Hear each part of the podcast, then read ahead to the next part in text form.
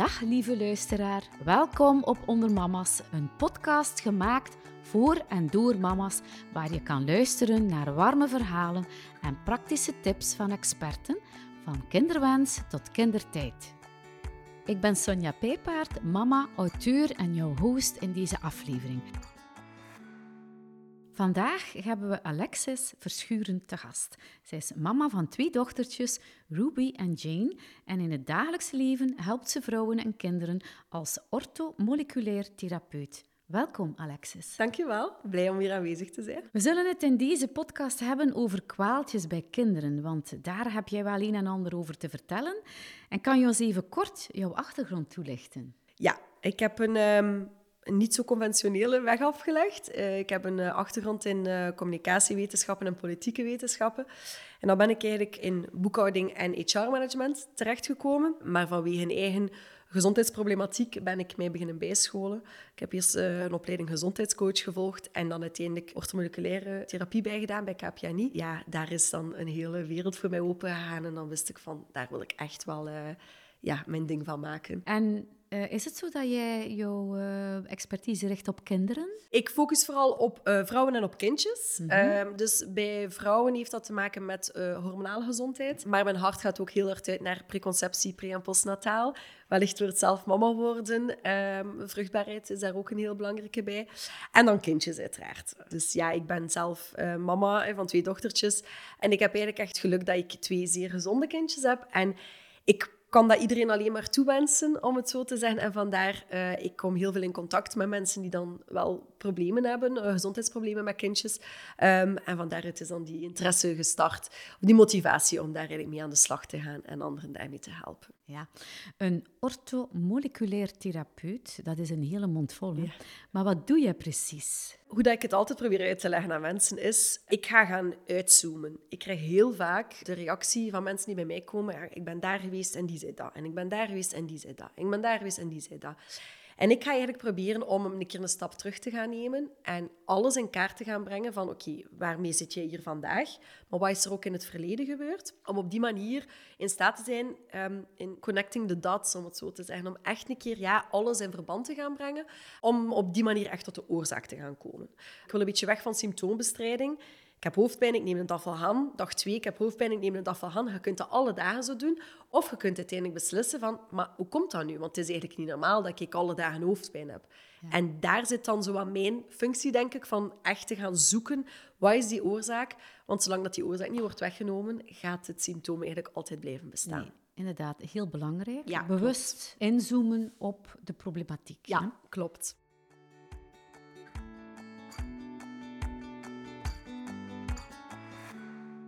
In de eerste levensjaren van een kind kunnen heel wat verschillende kwaaltjes optreden. En de meest voorkomende zijn een verkoudheid, oorontstekingen, problemen met de darmpjes, de huid en ga zo maar verder. Hè. Maar voordat we daarin duiken, wil ik het eerst hebben met jou over koorts. Want vaak zijn ouders ook bezig over de koorts bij hun kinderen. Maar wat is eigenlijk koorts? Koorts is eigenlijk een heel natuurlijke fysiologische reactie van het lichaam. Wat gebeurt er wanneer dat je lichaam een pathogeen of een virus, een bacterie detecteert? Gaat het beginnen werken. Dus koorts is een, actief, een teken van een actief immuunsysteem. Dus je lichaam gaat uh, witte bloedcellen gaan aanmaken om te kunnen vechten, hè, soldaatjes als het ware. En daardoor gaat het lichaam gaan opwarmen. Bovendien is het ook zo dat virussen bijvoorbeeld, die houden van koude, daarom dat die in de winter meer circuleren, maar die kunnen niet goed tegen warmte. Dus die koorts gaat eigenlijk ook al automatisch gaan helpen om een virus eigenlijk wat minder actief te gaan maken of om die te helpen doden. Hoewel koorts op het eerste zicht heel wat ouders doet schrikken, is het meestal onschadelijk. Inderdaad, koorts is gewoon een teken dat er effectief dat, dat immuunsysteem aan het werken is. Maar ik snap dat mensen hebben daar wel wat schrik van, maar eigenlijk hoeft dat in de meeste gevallen absoluut niet. Nee. Kan je ons enkele red flags geven waar ouders op moeten letten bij koorts? Absoluut. Vooral bij heel kleine kindjes eh, is koorts wel natuurlijk een iets waar je toch wel heel bewust moet van zijn. Als een kindje onder de drie maanden is, moet je toch wel gaan kijken vanaf dat hij boven de 38 gaat. En dan spreken we eigenlijk effectief van koorts. Dan is het wel best om toch wel een arts te gaan uh, raadplegen of bij een vroedvrouw te raden te gaan om eens te gaan kijken wat er daar aan de hand kan zijn. Tussen drie en zes maanden moet je toch wel een beetje gaan opletten vanaf dat het boven de 39 graden zou gaan. En vanaf dat we boven de zes maanden gaan, dan is het belangrijk om ook weer te gaan observeren. En als de koorts na drie dagen nog altijd blijft aanhouden of blijft toenemen, is dat toch ook wel een van de red flags. Geef je meteen een koortswerend middel of wacht je dan beter af? Ik ben niet zo'n fan om eigenlijk onmiddellijk koortswerend middel te gaan geven. En waarom? Zoals ik zei, koorts is eigenlijk een manier van je lichaam om, om dat immuunsysteem werkt op die manier. En als je koortswerend middel gaat gaan geven, ga je eigenlijk dat zelfhelend vermogen wat gaan ondermijnen. Want je gaat die warmte gaan verminderen en daardoor kan je immuunsysteem eigenlijk minder gaan werken. Dus door dat koortsweermiddel te gaan geven, ga je eigenlijk het immuunsysteem een beetje gaan ondermijnen. Ja. Los daarvan, wat zien we ook wel, um, want bij de red flags bijvoorbeeld, een van de zaken die we daar ook wel nog kunnen uh, bij gaan nemen is, en dat zeg ik altijd tegen alle ouders, observeer uw kindje. Dat is het belangrijkste van allemaal. Hè? Want je kunt wel een kind hebben die um, inderdaad vrij hoge koorts heeft, die richting 40 graden gaat, maar die loopt te lachen, die loopt te spelen en zo verder. Dan weet je eigenlijk als mama van, het is echt wel oké, dat leven is aan het werken, maar het is echt wel oké.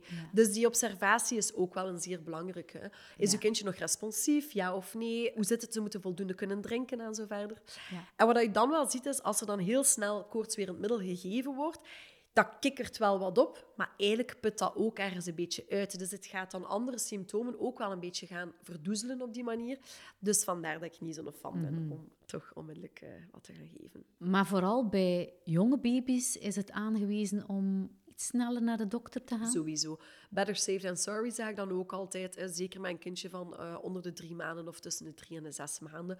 Wees daar gewoon voorzichtig in. Maar ook daarbij observeer. En voor mij is een, een vroedvrouw daar ook een, een onontbeerlijk middel bij. Hè. Als je een, een goede vroedvrouw hebt, kan je daar ook al rap een keer... Dan moet je niet onmiddellijk naar een dokter gaan, maar die kan ook wel vaak al, al een keer een indicatie geven van oké, okay, ja. Um, ja. Wat wordt beschouwd als normaal wanneer het gaat om ziek zijn bij kinderen? Dat is natuurlijk een zeer subjectief, hè, want dat is voor ieder kind wel een beetje anders. Maar wat je momenteel vaak ziet, is dat het zo frequent voorkomt dat kindjes de ene oorontsteking naar de andere doen, chronisch verkouden zijn, continu diarree hebben. En de mensen horen dat van elkaar en op den duur zien ze dat een beetje als normaal. En dan moeten ze eigenlijk gaan beseffen het is normaal dat een kind twee, drie keer op een jaar een keer ziek wordt. Het is normaal dat ze naar de crash gaan en dat ze een keer een virusje mee naar huis brengen en dat ze daar een keer even een beetje ziek van zijn. Maar als je zegt van mijn kind is echt al zes maanden aan een stuk ononderbroken ziek, dan mag je toch wel rekenen dat daar toch iets niet 100% zit. Hè? Hoe kan je dan als ouder het onderscheid maken tussen een gewone ziekte en iets ernstigs? Ja, dat is ook weer dat. Hè. Het is zeer moeilijk soms om dat te gaan bepalen. Dus ik zeg daarbij ook, observeer heel goed. Um, om aan te tonen hoe moeilijk dat, dat kan zijn. Aan de ene kant zou ik zeggen, zeer hoge koorts is een teken van een ernstige ziekte. Maar de meeste mama's zullen de vijfde, zesde ziekte bijvoorbeeld kennen. Die wordt gekenmerkt door drie dagen hoge koorts, gevolgd door plekjes op het lichaam. Er moet daar niks mee gebeuren, dat is gewoon uitzieken. Die responsiviteit is een zeer belangrijke factor. Als een kindje gewoon niet meer reageert, als die wat wegdraait, als die zeer flauw is en zo verder, dat zijn wel echt wel symptomen uh, waarbij dat ik zeg, ga toch echt wel naar de dokter. Um, Laat ons misschien even inzoomen op de buik. Uh, buikpijn, diarree en constipatie zijn veel voorkomende problemen bij jonge kinderen. Maar wat willen deze symptomen eigenlijk zeggen? Buikpijn bijvoorbeeld, daaraan zien we dat kindjes die soms nog niet goed kunnen uitleggen wat dat er scheelt, dat zij heel vaak gaan refereren naar een buik. Als zij hoofdpijn hebben en ze kunnen dan nog niet gaan zeggen, gaan zij vaak zeggen, mijn buik doet pijn. Ah, dus bij buikpijn is dat ook al iets van, daar kan je al altijd een keer op letten van, ah, misschien is het niet alleen dat. Maar wanneer we spreken over diarree of constipatie, dan kunnen we er eigenlijk van uitgaan dat er met de darmen iets niet juist is. Hè. Chronische diarree en constipatie zijn uiteindelijk niet normaal. Hè. Dat hoort eigenlijk niet. Een kind hoort een mooie, normale stoelhang te maken zonder problemen. Bij diarree is het wel zo, zolang dat ze een pamper dragen, is het soms moeilijk om het te weten. Alhoewel dat ik vind, diarree, dat ruik je ook wel. Zeker, dat wordt zeker. daar wel duidelijk ja, ja, ja, ja, Maar dus vooral daar, dan weten we dat er daar echt wel qua, uh, qua darmen iets niet oké zit. Ja. Wat is het belang van een gezonde darmflora bij kinderen? Als je weet dat 70% van de immuniteit in de darmen zit, dan weet je hoe belangrijk dat, dat inderdaad is. Dus wanneer dat we spreken over kinderen met chronische aandoeningen, dan mogen de darmen nooit vergeten worden. Het wordt vaak jammer genoeg wel vergeten, maar het is echt stap nummer één eigenlijk vaak om die darmen op orde te gaan zetten om van daaruit een algemene gezondheid goed te gaan opbouwen. Dus we kunnen stellen dat de darmen een belangrijke rol spelen bij de meeste kinderkwaaltjes of ziektes. Absoluut, ja. Voor mij is de darm echt wel de basis. En zoals ik ook zei daar straks, ik ga, als iemand bij mij komt, dan ga ik altijd een keer gaan kijken van uh, wat is er in het verleden al allemaal gebeurd. En dan zie ik daar heel vaak dat er daar zaken gebeurd zijn die um, een probleem geven of die een probleem veroorzaakt hebben aan die darm. En een van de eerste stappen is dan ook vaak het darmherstel, inderdaad. Om die immuniteit eigenlijk dan weer te gaan verbeteren en af te geraken van die veel voorkomende kwaaltjes. Ja, inderdaad. Dan het kan een tijdje duren voordat de darmflora hersteld is. Hè? Absoluut, ja. Um, dat is een beetje het jammere. Ik geef uh, vaak dat voorbeeld van antibiotica bijvoorbeeld. Uh, je gaat daarvoor naar de, naar de apotheek, dat kost een halve euro. Je geeft dat een week, maar op een week tijd is echt wel ook heel het, het goede. Hè. Dus het gaat wel de, de slechte bacteriën doden, maar het doodt al de goede bacteriën ja. ook. Um, dat is op zelf geen week, maar dat is op een dagtijd eigenlijk al gedaan. Maar een herstel, dat vraagt soms wel verschillende maanden. Ja. Kinderen zijn uh, bijvoorbeeld ook vatbaar voor verkoudheden, zoals uh, ja, ze komen vaak in contact uh, voor de eerste keer met virussen, Absoluut. crashes, school. En dit kan dan leiden tot symptomen zoals verstopte neus, hoesten, niezen. Kan je uitleggen hoe neus, oren, keel en longen verbonden zijn met de darmen? Ja, absoluut. De darmen, ehm, dat zijn slijmvliezen. Maar in je neus, keel, ogen, oren, longen zijn ook allemaal slijmvliezen.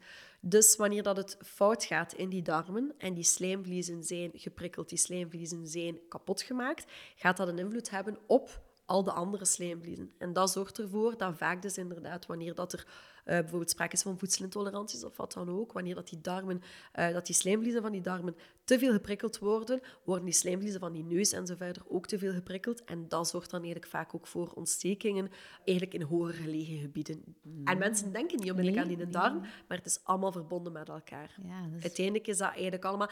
Je moet dat eigenlijk zo zien... Um, dat is eigenlijk ook allemaal de buitenkant van het lichaam. Dat is iets zeer vreemd als je daar zo over nadenkt, maar dat zijn de, de holtes eigenlijk. En je hebt je huid buiten, maar dat gaat dan naar binnen. En uiteindelijk vindt dat via de aars dan uiteindelijk ook weer een uitweg naar buiten. En dat is allemaal eigenlijk hetzelfde. En vandaar dat het allemaal met elkaar verbonden is.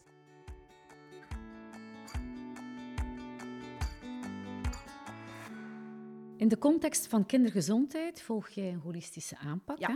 En elk kind is uniek en daarom ga je als therapeut alle afzonderlijke elementen bekijken. Kan je dat verder toelichten, hoe jij te werk gaat? Dus inderdaad, ik ga gaan kijken naar de volledige leefstijl. Dus als mensen met kindjes of gewoon vrouwen bij mij zitten, gaan we even gaan uitzoomen, zoals ik zei, en ik ga gaan bevragen. Eén, het voedingspatroon is uiteraard cruciaal daarbij. Maar niet te vergeten, hoe zit het met de slaap van dat kindje? Hoeveel stress heeft dat kindje? Mensen kunnen zeggen, welk kind heeft er nu stress? Maar er zijn zeer veel stressoren die een invloed kunnen hebben. We mogen niet vergeten dat we eigenlijk momenteel zeer ver afstaan van onze natuur. Kindjes worden, eh, blijven heel veel binnen. Ze worden verwacht van stil te zitten op een stoel en altijd te luisteren en zo verder. Ze kunnen zich soms moeilijker uh, uitleven. Schermtijd ook niet vergeten. Kindjes hebben vaak te veel schermtijd, te weinig buitentijd. En dat zijn allemaal zaken die eigenlijk een stressor zijn voor het lichaam en die er kunnen voor zorgen um, dat die immuniteit uh, ondermijnd wordt. En dat zijn dus allemaal punten die wij zeker en vast gaan bekijken. Beweging hoort daar dan uiteraard ook echt wel bij.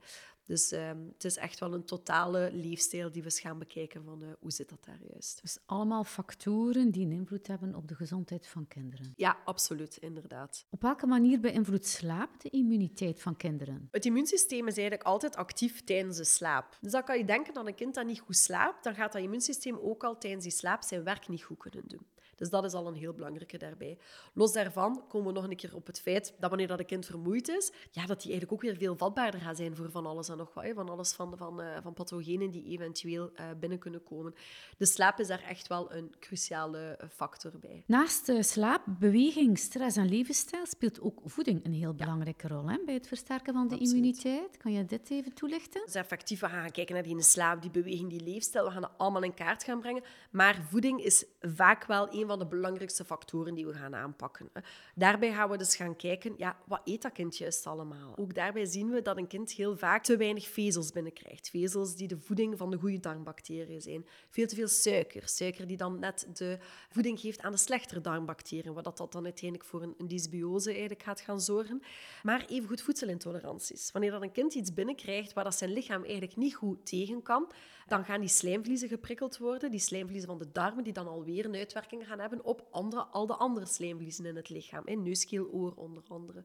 Dus voedingspatroon is sowieso wel echt zeer cruciaal om, uh, om te gaan aanpakken en om te gaan um, een deep dive in te gaan nemen. Je had het al over het herstellen van de darmgezondheid van een kind. Is daar een bepaald stappenplan voor dat we kunnen volgen? Dat is zeer afhankelijk van de persoon die voor mij zit, omdat we daar dan uh, altijd gaan, gaan kijken, ja, wat is de ernst van de situatie? Waar heeft het kind het meest uh, last van? Is er sprake van voedselintoleranties, ja of nee? Dat verandert de zaak uiteraard wel. Maar het stappenplan dat ik meestal volg is echt gewoon beginnen Ontbijt. Oké, hoe ziet dat ontbijt eruit? Wat kunnen we daar gaan aanpassen? De tussendoortjes. Dus echt gewoon heel dag een keer in kaart gaan brengen. En gaan kijken wat dat we daar eigenlijk allemaal kunnen gaan doen. Maar wat dat echt een stevig darmherstel betreft, gaan we heel vaak ook wel gaan werken met uh, pre- en probiotica die we gaan toevoegen aan het voedingspatroon. Dus dat zijn bepaalde supplementen. En dat is dan echt een zeer concreet stappenplan, effectief, die we volgen gedurende een maand of vier ongeveer, om daarbij die slijmvliezen um, te gaan herstellen en om eigenlijk een potentiële dysbiose te gaan wegwerken, om de goede darmbacteriën uh, te gaan voeden. Ja. Mhm. En dat is dan iets dat we naast de voeding eigenlijk gewoon ook gaan inzetten. Ja, ja, ja. Kunnen we als ouder iets doen om de weerstand van onze kinderen te ondersteunen? Een belangrijke is suiker. Suiker is sowieso een, echt een ondermijning van de immuniteit. Dus hoe minder suiker dat een kind eet, hoe beter of hoe sterker dat zijn immuunsysteem gaat zijn. Uh, wat is daar nog belangrijk? Vitamine C. Vitamine C is ook een zeer belangrijke voedingsstof. Um, vitamine A, zink zijn eigenlijk allemaal um, zeer belangrijke voedingsstoffen die het immuunsysteem eigenlijk gaan helpen en uh, aan gaan ondersteunen. Kan je nog even kort toelichten waarin we deze vitamines kunnen vinden en welke uh, voedingsbronnen? Ik probeer altijd aan te geven dat een goede, gebalanceerde voeding is het belangrijkste van allemaal. En wat bedoel ik daarmee? Dat is een voeding die bestaat uit voldoende groenten en fruit. Vitamine C bijvoorbeeld, daarvoor moet je bij de groenten en fruit zijn. Vitamine A vinden we eigenlijk voornamelijk de goed opneembare vorm van vitamine A dan in dierlijke producten. Dus ook goede vleesbronnen, onbewerkt vlees uiteraard wel. Maar ook peulvruchten en zo verder, dat zijn ook uh, belangrijke daarbij. Voor een voedingspatroon zeg ik altijd, een kind moet voldoende vezels binnenkrijgen, wat het uit groenten gaat gaan en het fruit. Maar die eiwitten mogen ook niet vergeten worden. Dus we gaan echt gaan kijken, eieren, uh, vis, schaal- en schelpdieren, uh, vlees, gevogelte. Dat hoort ook wel echt een goed deel van het voedingspatroon te zijn. En dan de vetten niet te vergeten natuurlijk. Welke vetten bedoel je dan? De uh, omega-3 vetzuren bijvoorbeeld, die we dan uit vette vis onder andere gaan halen. noten, zaden en pitten bijvoorbeeld, daar, dat zijn eigenlijk ook belangrijke bronnen van vetten. Er is niks mis met verzadigde vetten. Dat is een beetje een, een iets dat een beetje achterhaald is. Dus goede boter, altijd ook wel echt een zeer grote fan van. olijfolie ben ik ook grote fan van. Avocado bijvoorbeeld ook. De vetten waar dat je wel mee moet opletten, zijn eigenlijk eerder de omega-6 vetzuren. Um, we hebben bij de vetzuren hebben omega-3, omega-6, omega-9. We hebben alle vetzuren nodig. Alleen is het uh, belangrijk de mate waarin dat we die, die verhouding is eigenlijk een cruciale. Hè. Dus we hebben verhoudingsgewijs ietsje meer omega-3 nodig dan dat we omega-6 nodig hebben. Maar het probleem is omega-6, dat is bijvoorbeeld zonnebloemolie, arachideolie, maisolie. En momenteel zit dat in alles, in alle bewerkte producten. En dat zorgt ervoor dat we eigenlijk ietsje te veel omega-6 gaan binnenkrijgen. Wat is er daar dan mis aan, kan je vragen. Dat is zo dat omega-6 zeer ontstekingsbevorderend werkt. Dus ook voor je immuunsysteem is eigenlijk ietsje minder omega-6 ook wel een belangrijke factor. En daarvoor is het dan belangrijk om zo weinig mogelijk bewerkte producten te gaan eten. Dus eigenlijk een goed voedingspatroon is gewoon pure natuurlijke voeding zelf klaargemaakt en zo weinig mogelijk bewerkt, zo weinig mogelijk uit het pakje en zo weinig mogelijk uit de, ja, klaargemaakt uit de winkel. Suiker ja. Ja, komt regelmatig aan bod. Absoluut. Um, absoluut te vermijden. Ja. Waarom? Om heel veel verschillende redenen. Um, maar als we bijvoorbeeld over de darmgezondheid spreken, dus in de darmen bijvoorbeeld hebben we, hebben de goede bacteriën en we hebben de slechte bacteriën. Die gaan er altijd zitten, maar die moeten in balans zijn. En het is zo dat vezels, um, wat we dus vinden in groenten en fruit, gaan de goede bacteriën gaan voeden. Suiker die voedt de slechte bacteriën. En dat zorgt er uiteindelijk voor dat die darmen ook op die manier worden aangetast. Uh, los daarvan is suiker ook enorm ontstekingsbevorderend. Wat dus ook weer zorgt, ja, dus ontstekingen door het hele lichaam, um, waardoor het immuunsysteem ook enorm onder druk gezet wordt. Mm -hmm. Ja, dus dat zijn eigenlijk... Er zijn nog heel veel andere zaken. Ja, inderdaad, voor de tandjes, dan spreken we daar nog niet over. Oh ja, voilà, het feit dat het inderdaad ertoe bijdraagt dat um, kinderen eigenlijk door te veel suiker eigenlijk caloriearme voeding binnenkrijgen. Hè. Dus ze gaan eigenlijk um, voedingsstoffen gaan mankeren in de voeding en zo verder. Maar als we specifiek op de darmen spreken, zijn dat eigenlijk de, de hoofdredenen. Ja. Nu is het ook mogelijk dat uh, voedselintoleranties bijdragen aan gezondheidsproblemen bij kinderen. En dat ouders ja, op zoek zijn naar redenen van. En, ja. en dan vaak te laat of, of na verloop van tijd pas te weten komen dat er... Inderdaad. Dus als mensen bij mij komen met een kindje die inderdaad dus ja, chronische aandoeningen heeft, is uh, het zoeken naar voedselintolerantie is eigenlijk altijd ook een van de eerste stappen die ik, die ik ga doen. Ja. Er zijn een aantal mogelijkheden om dat eigenlijk te gaan aanpakken. Eerst en vooral de makkelijkste manier is via eliminatie en provocatie. En dan gaan we eigenlijk zeggen, we gaan een aantal zeer gekende voedselintoleranties, dan spreken we over gluten, uh, lactose, gaan we eigenlijk gaan weglaten uit de voeding en gaan kijken hoe dat kindje daarop reageert. En het is soms om van achterover te vallen op twee weken tijd, dat mensen zeggen van, maar wauw, die verstopte neus, die is weg. Dat kind loopt niet meer te snotter, loopt niet meer. Dus dan weet je, oké, maar we zitten hier echt goed. Naast het weglaten, dus eliminatie-provocatie, kunnen we ook wel een bloedtest gaan doen, waarin dat we gaan checken op de IgG's, noemen we dat dan. Wanneer dat dan geen uitsluitsel geeft, kan er ook nog altijd een stoelhangsonderzoek gebeuren om daar uh, verder op te gaan onderzoeken. Zijn er uh, eerste indicaties die daarop wijzen en dat ouders zelf kunnen opmerken? Wat zien we dus, of hoe gaat die voedselintolerantie vaak gaan werken? Dus je lichaam kan daar eigenlijk niet mee omgaan. Dus dat komt in die darmen. Die darmen gaan overgevoelig gaan reageren. En hoe doen die dat? Die, die, die slijmvliezen gaan worden geprikkeld. En, hè, dus daar komt het daar weer op neer.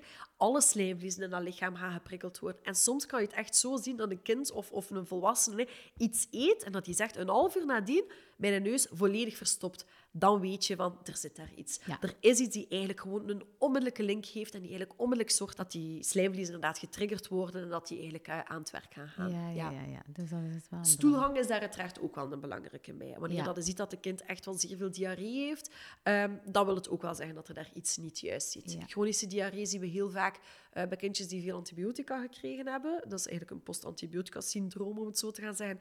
Maar ook wel wil dat vaak zeggen dat er sprake is van een intolerantie, waardoor dat het lichaam um, ja, dus zo gaat reageren. Uh, ja, ja, Om zo snel mogelijk dan naar buiten te gaan werken.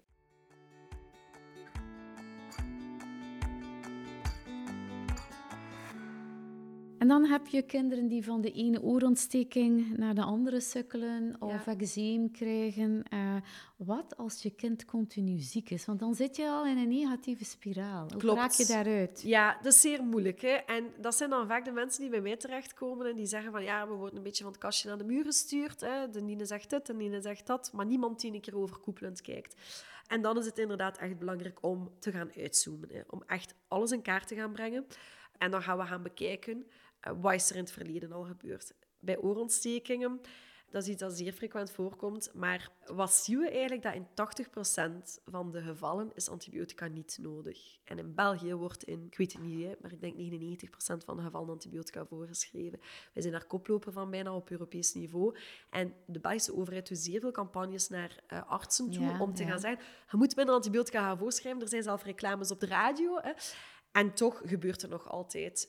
Waarom is het nu zo? Dus omdat ik zeg, ik kan dat wel zeggen, 80%, maar hoe weten we dat? In de meerderheid van de gevallen, dus in meer dan de helft van de gevallen, ligt eigenlijk een virale infectie aan de oorzaak van een oorontsteking. Dus weer dat, alles is verbonden met elkaar, die slijmvliezen zijn geprikkeld en dat is echt gewoon een verstopping die een druk geeft op die oren. Ehm, die slijmvliezen die, die ontsteken en zo verder, dat zorgt voor een oorontsteking. Dan heeft het nul nut om antibiotica te gaan geven. En toch gebeurt het.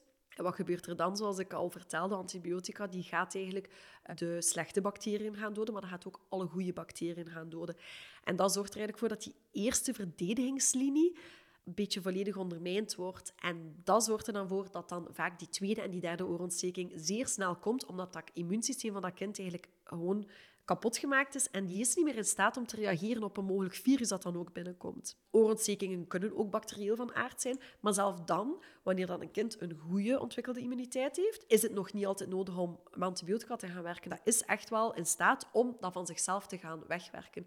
Dus soms is het gewoon nodig om een beetje te kunnen afwachten, om rust te gaan geven, maar dat gebeurt vaak te weinig. En dus zeker die chronische oorontstekingen is het vaak gewoon een verhaal van antibiotica-kuur op antibiotica-kuur. En ehm, dan is dat darmherstel ook weer een van de eerste stappen die we gaan nemen. Omdat zonder dat kan je gewoon niet verder. Dus dan gaan we echt die darm gaan herstellen. Gaan we ondertussen gaan zoeken of dat er ook intoleranties inderdaad zijn. Hè, want die prikkelen uiteraard ook wel die slijmvliezen. Maar dan gaan we ook gewoon verder terug. Eh, hoe is het kindje ter wereld gekomen en zo verder. Dus al die zaken eh, komen dan ook wel echt uh, aan bod. En eczeem, kan je daar iets meer over vertellen? Ja, eczeem is uiteindelijk ook gewoon een uiting van dat, van dat immuunsysteem. Dus dat hoort eigenlijk ook gewoon allemaal daarbij. dus we zien dat gewoon heel vaak voorkomen als een laatste stap dan. Dus wanneer dat er eerst sprake geweest is van chronische verkoudheden, gevolgd door chronische oorontstekingen. En dan is die een eczeem gelijk iets dat daar echt wel gaat gaan opspelen. Mm. Eczeem heeft uiteraard ook wel een genetische factor, maar of dat, dat al dan niet tot uiting komt, heeft ook weer wel te maken met de omgeving en dus ook weer wat eet het kind, hoe leeft het kind en wat krijgt dat lichaam allemaal te verduren. Jouw sterkte als therapeut is dat je helemaal terug gaat kijken tot aan de zwangerschap en bevalling van de mama, ja. om dat dan vervolgens in verband te brengen met de gezondheid van het kind. Vertel eens. Klopt. Als we spreken over microbiome, dus microbiome is by far het belangrijkste van allemaal, dus voor die immuniteit, ehm, dan weten we dat heel veel factoren daarop invloed hebben. En dat begint eigenlijk al bij de conceptie. Dus eigenlijk de toestand van de mama en van de papa, wanneer dat kindje verwekt wordt, gaat al een invloed hebben op het microbiome van dat kindje. En dan natuurlijk ligt de rol heel hard bij de mama. Hoe heeft de mama geleefd tijdens de zwangerschap? Hoe heeft zij gegeten? Wat is er daar allemaal gebeurd tijdens die zwangerschap? Welke medicatie heeft ze al dan niet genomen? Het zijn allemaal zaken die dus een invloed daarop kunnen hebben. En bijkomstig dan ook de bevalling. Waar dat je bevalt, hoe dat je bevalt, heeft ook allemaal een invloed daarop. Dan zeker wanneer we spreken over een keizersnede. Uiteraard, als dat nodig is, is dat nodig. Maar een keizersnede is een omgeving die steriel gemaakt wordt. En het is zo dat bij een vaginale bevalling krijgt het kindje het microbiome van de mama mee bij de uitdrijving. En bij een keizersnede is daar geen sprake van. En dan zien we dat dat dan eigenlijk al een verstoring geeft uh, bij die geboorte. Plus, er wordt dan ook heel vaak medicatie en antibiotica toegediend.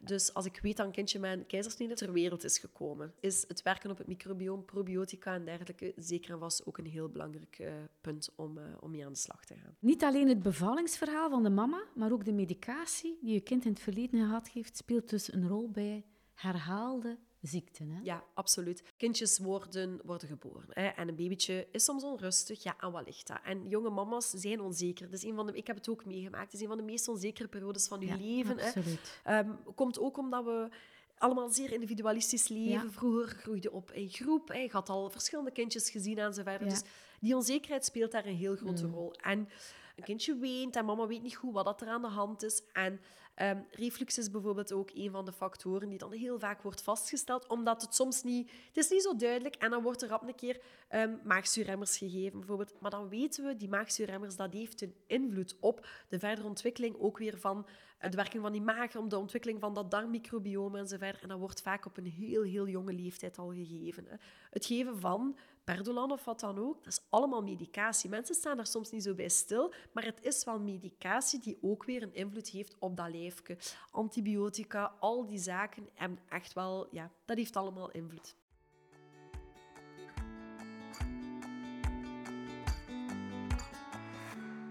Wat kunnen ouders doen om proactief dan de gezondheid van hun kind te bevorderen? Zeer veel stappen die ze kunnen ondernemen. Gelukkig. Uh, ja, voilà, inderdaad. Eerst en vooral natuurlijk zeg ik altijd, pak die voeding aan. Hè. Zorg voor een goed voedingspatroon met voldoende vezels, uh, voldoende vitamine, mineralen, dat dat kind alles binnenkrijgt. Onbewerkte voeding, zo weinig mogelijk suiker. Dat is eigenlijk al vaak stap 1. Hmm. Zorg dat het kind voldoende buiten komt, want dat wordt ook vaak vergeten. Hè. Kindjes zitten continu binnen naar televisie te kijken op een scherm, maar een kind hoort buiten te spelen. We zien bijvoorbeeld dat een kindje dat opgroeit op een boerderij een veel diverser ontwikkeld microbiome heeft dan een kind dat opgroeit in de stad. Maar evengoed kinderen die buiten spelen, die zitten maar handen in de aarde, die pakken bladeren, takken vast en zo verder. Al die zaken hebben een invloed op de ontwikkeling van dat microbiome. Dus hoe meer dat, dat kind buiten komt, hoe beter dat dat eigenlijk vaak al is. Mm Slaap, ook al die zaken zijn allemaal punten Kijk daar een keer naar, hou daar allemaal uh, rekening mee. En als het misgaat, ja, kom naar iemand zoals mij, die een keer eigenlijk alles in, in kaart gaat gaan brengen. En uh, dat we echt kunnen gaan kijken, stap voor stap, van wat is er gebeurd in het verleden en hoe kunnen we dat juist gaan aanpakken. Ja. Er zijn uiteraard ook zaken die je kan doen als ouders om die immuniteit een beetje extra te gaan ondersteunen, zeker in de winterperiode. Er kunnen uh, bepaalde supplementen gegeven worden, vitamine C, zinksupplementen bijvoorbeeld. Uh, maar evengoed ook kruidenpreparaten op basis van uh, bijvoorbeeld Echinacea, uh, de rode zonnegoed is dat, astragalus, shiitake-extract, dat zijn allemaal plantenextracten. En dat zijn de zaken die je echt gewoon makkelijk kan bijgeven, heel de winter lang, om die immuniteit een keer een extra boost ook nog te gaan geven. Zie je dan dat die preventieve zorg dat dat een grote rol speelt bij die kinderkwaaltjes en ziektes? Absoluut. Ja Ik denk dat we een klein beetje in een landschap zitten waarbij dat er momenteel veel te veel puur curatief aan symptoombestrijding wordt gedaan en dat er veel te weinig preventief inderdaad wordt gewerkt. Als je iets kan voorkomen, is het uiteraard altijd beter dan iets te moeten genezen. Dus hoe stabieler dat die basis van dat kindje is, hoe sterker dat dat lichaam is, hoe minder vatbaar dat het gaat zijn voor een keer een ziekte worden of zo. Want ziek worden, dat hoort bij het leven. Ja, hè? Dat, dat, allee, het is niet omdat een kind niet ziek wordt dat daarom gezond is. Dus dat zijn allemaal dingen. Allee, of het is niet omdat een kind dat, dat niet gezond is omdat het een keer ziek wordt. Maar mensen moeten soms ook een beetje het geloof hebben dat een lichaam eigenlijk in staat is om zichzelf te gaan genezen. Ik ga even een heel concreet voorbeeld gaan geven.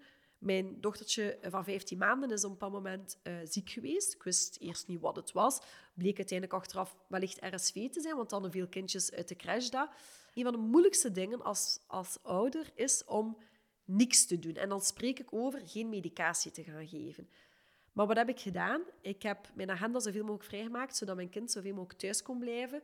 Zoveel mogelijk van thuis uitgewerkt, zodat ze thuis kon slapen. Veel rust had haar zoveel mogelijk aangelegd. Ze kreeg nog borstvoeding, dus dan wist ik van, ze krijgt dat al mee.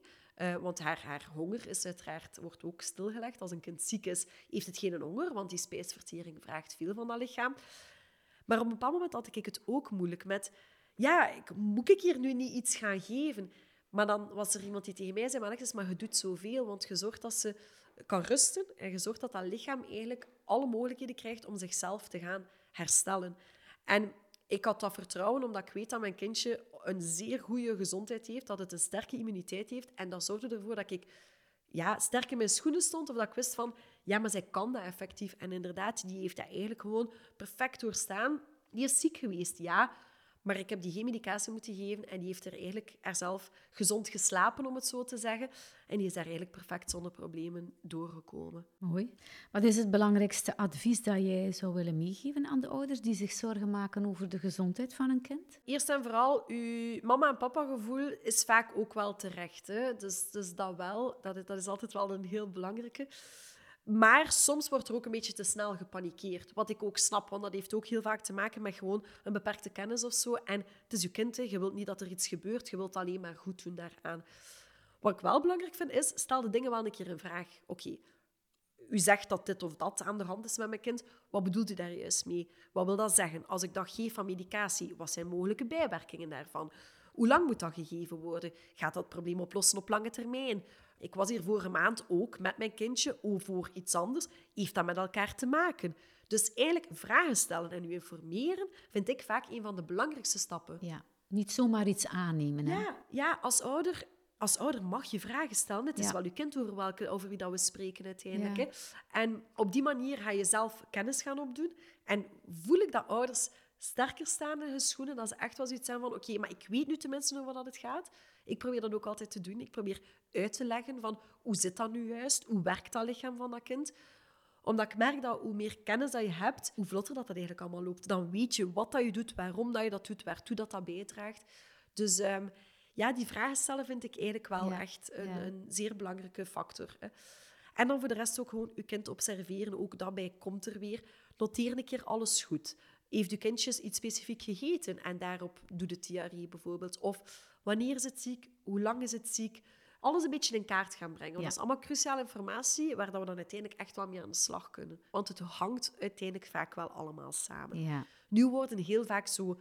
Die ene verkoudheid, dat ene virus, die ene infectie wordt eigenlijk als iets losstaand gezien, terwijl dat er soms een keer wat meer moet gekeken worden naar wat is de link daartussen. Een holistische aanpak. Ja, de holistische aanpak, ja, klopt inderdaad. En waar kunnen ouders meer leren of informatie vinden hierover? Ik probeer zoveel mogelijk uh, informatie mee te delen op mijn Instagram. Ik heb een specifiek kids-account, uh, @forveo.kids is dat. En daarbij ga ik dan ook, um, probeer ik ook die aanpak naar voren te brengen. Hè. Dus één, deep learning, om het zo te zeggen. Wat is dan nu, die werking van het immuunsysteem? Uh, waarom is suiker vermijden bijvoorbeeld belangrijk? En dan ga ik ook dieper in op welke tips zijn er nu? Wat kan je nu echt concreet gaan doen om dat te gaan vermijden? Ja. er zijn eigenlijk heel veel verschillende websites, Instagram-accounts die je kan volgen, maar ook heel veel mooie boeken die je kan gaan lezen over echt het ondersteunen van de immuniteit van je kindje.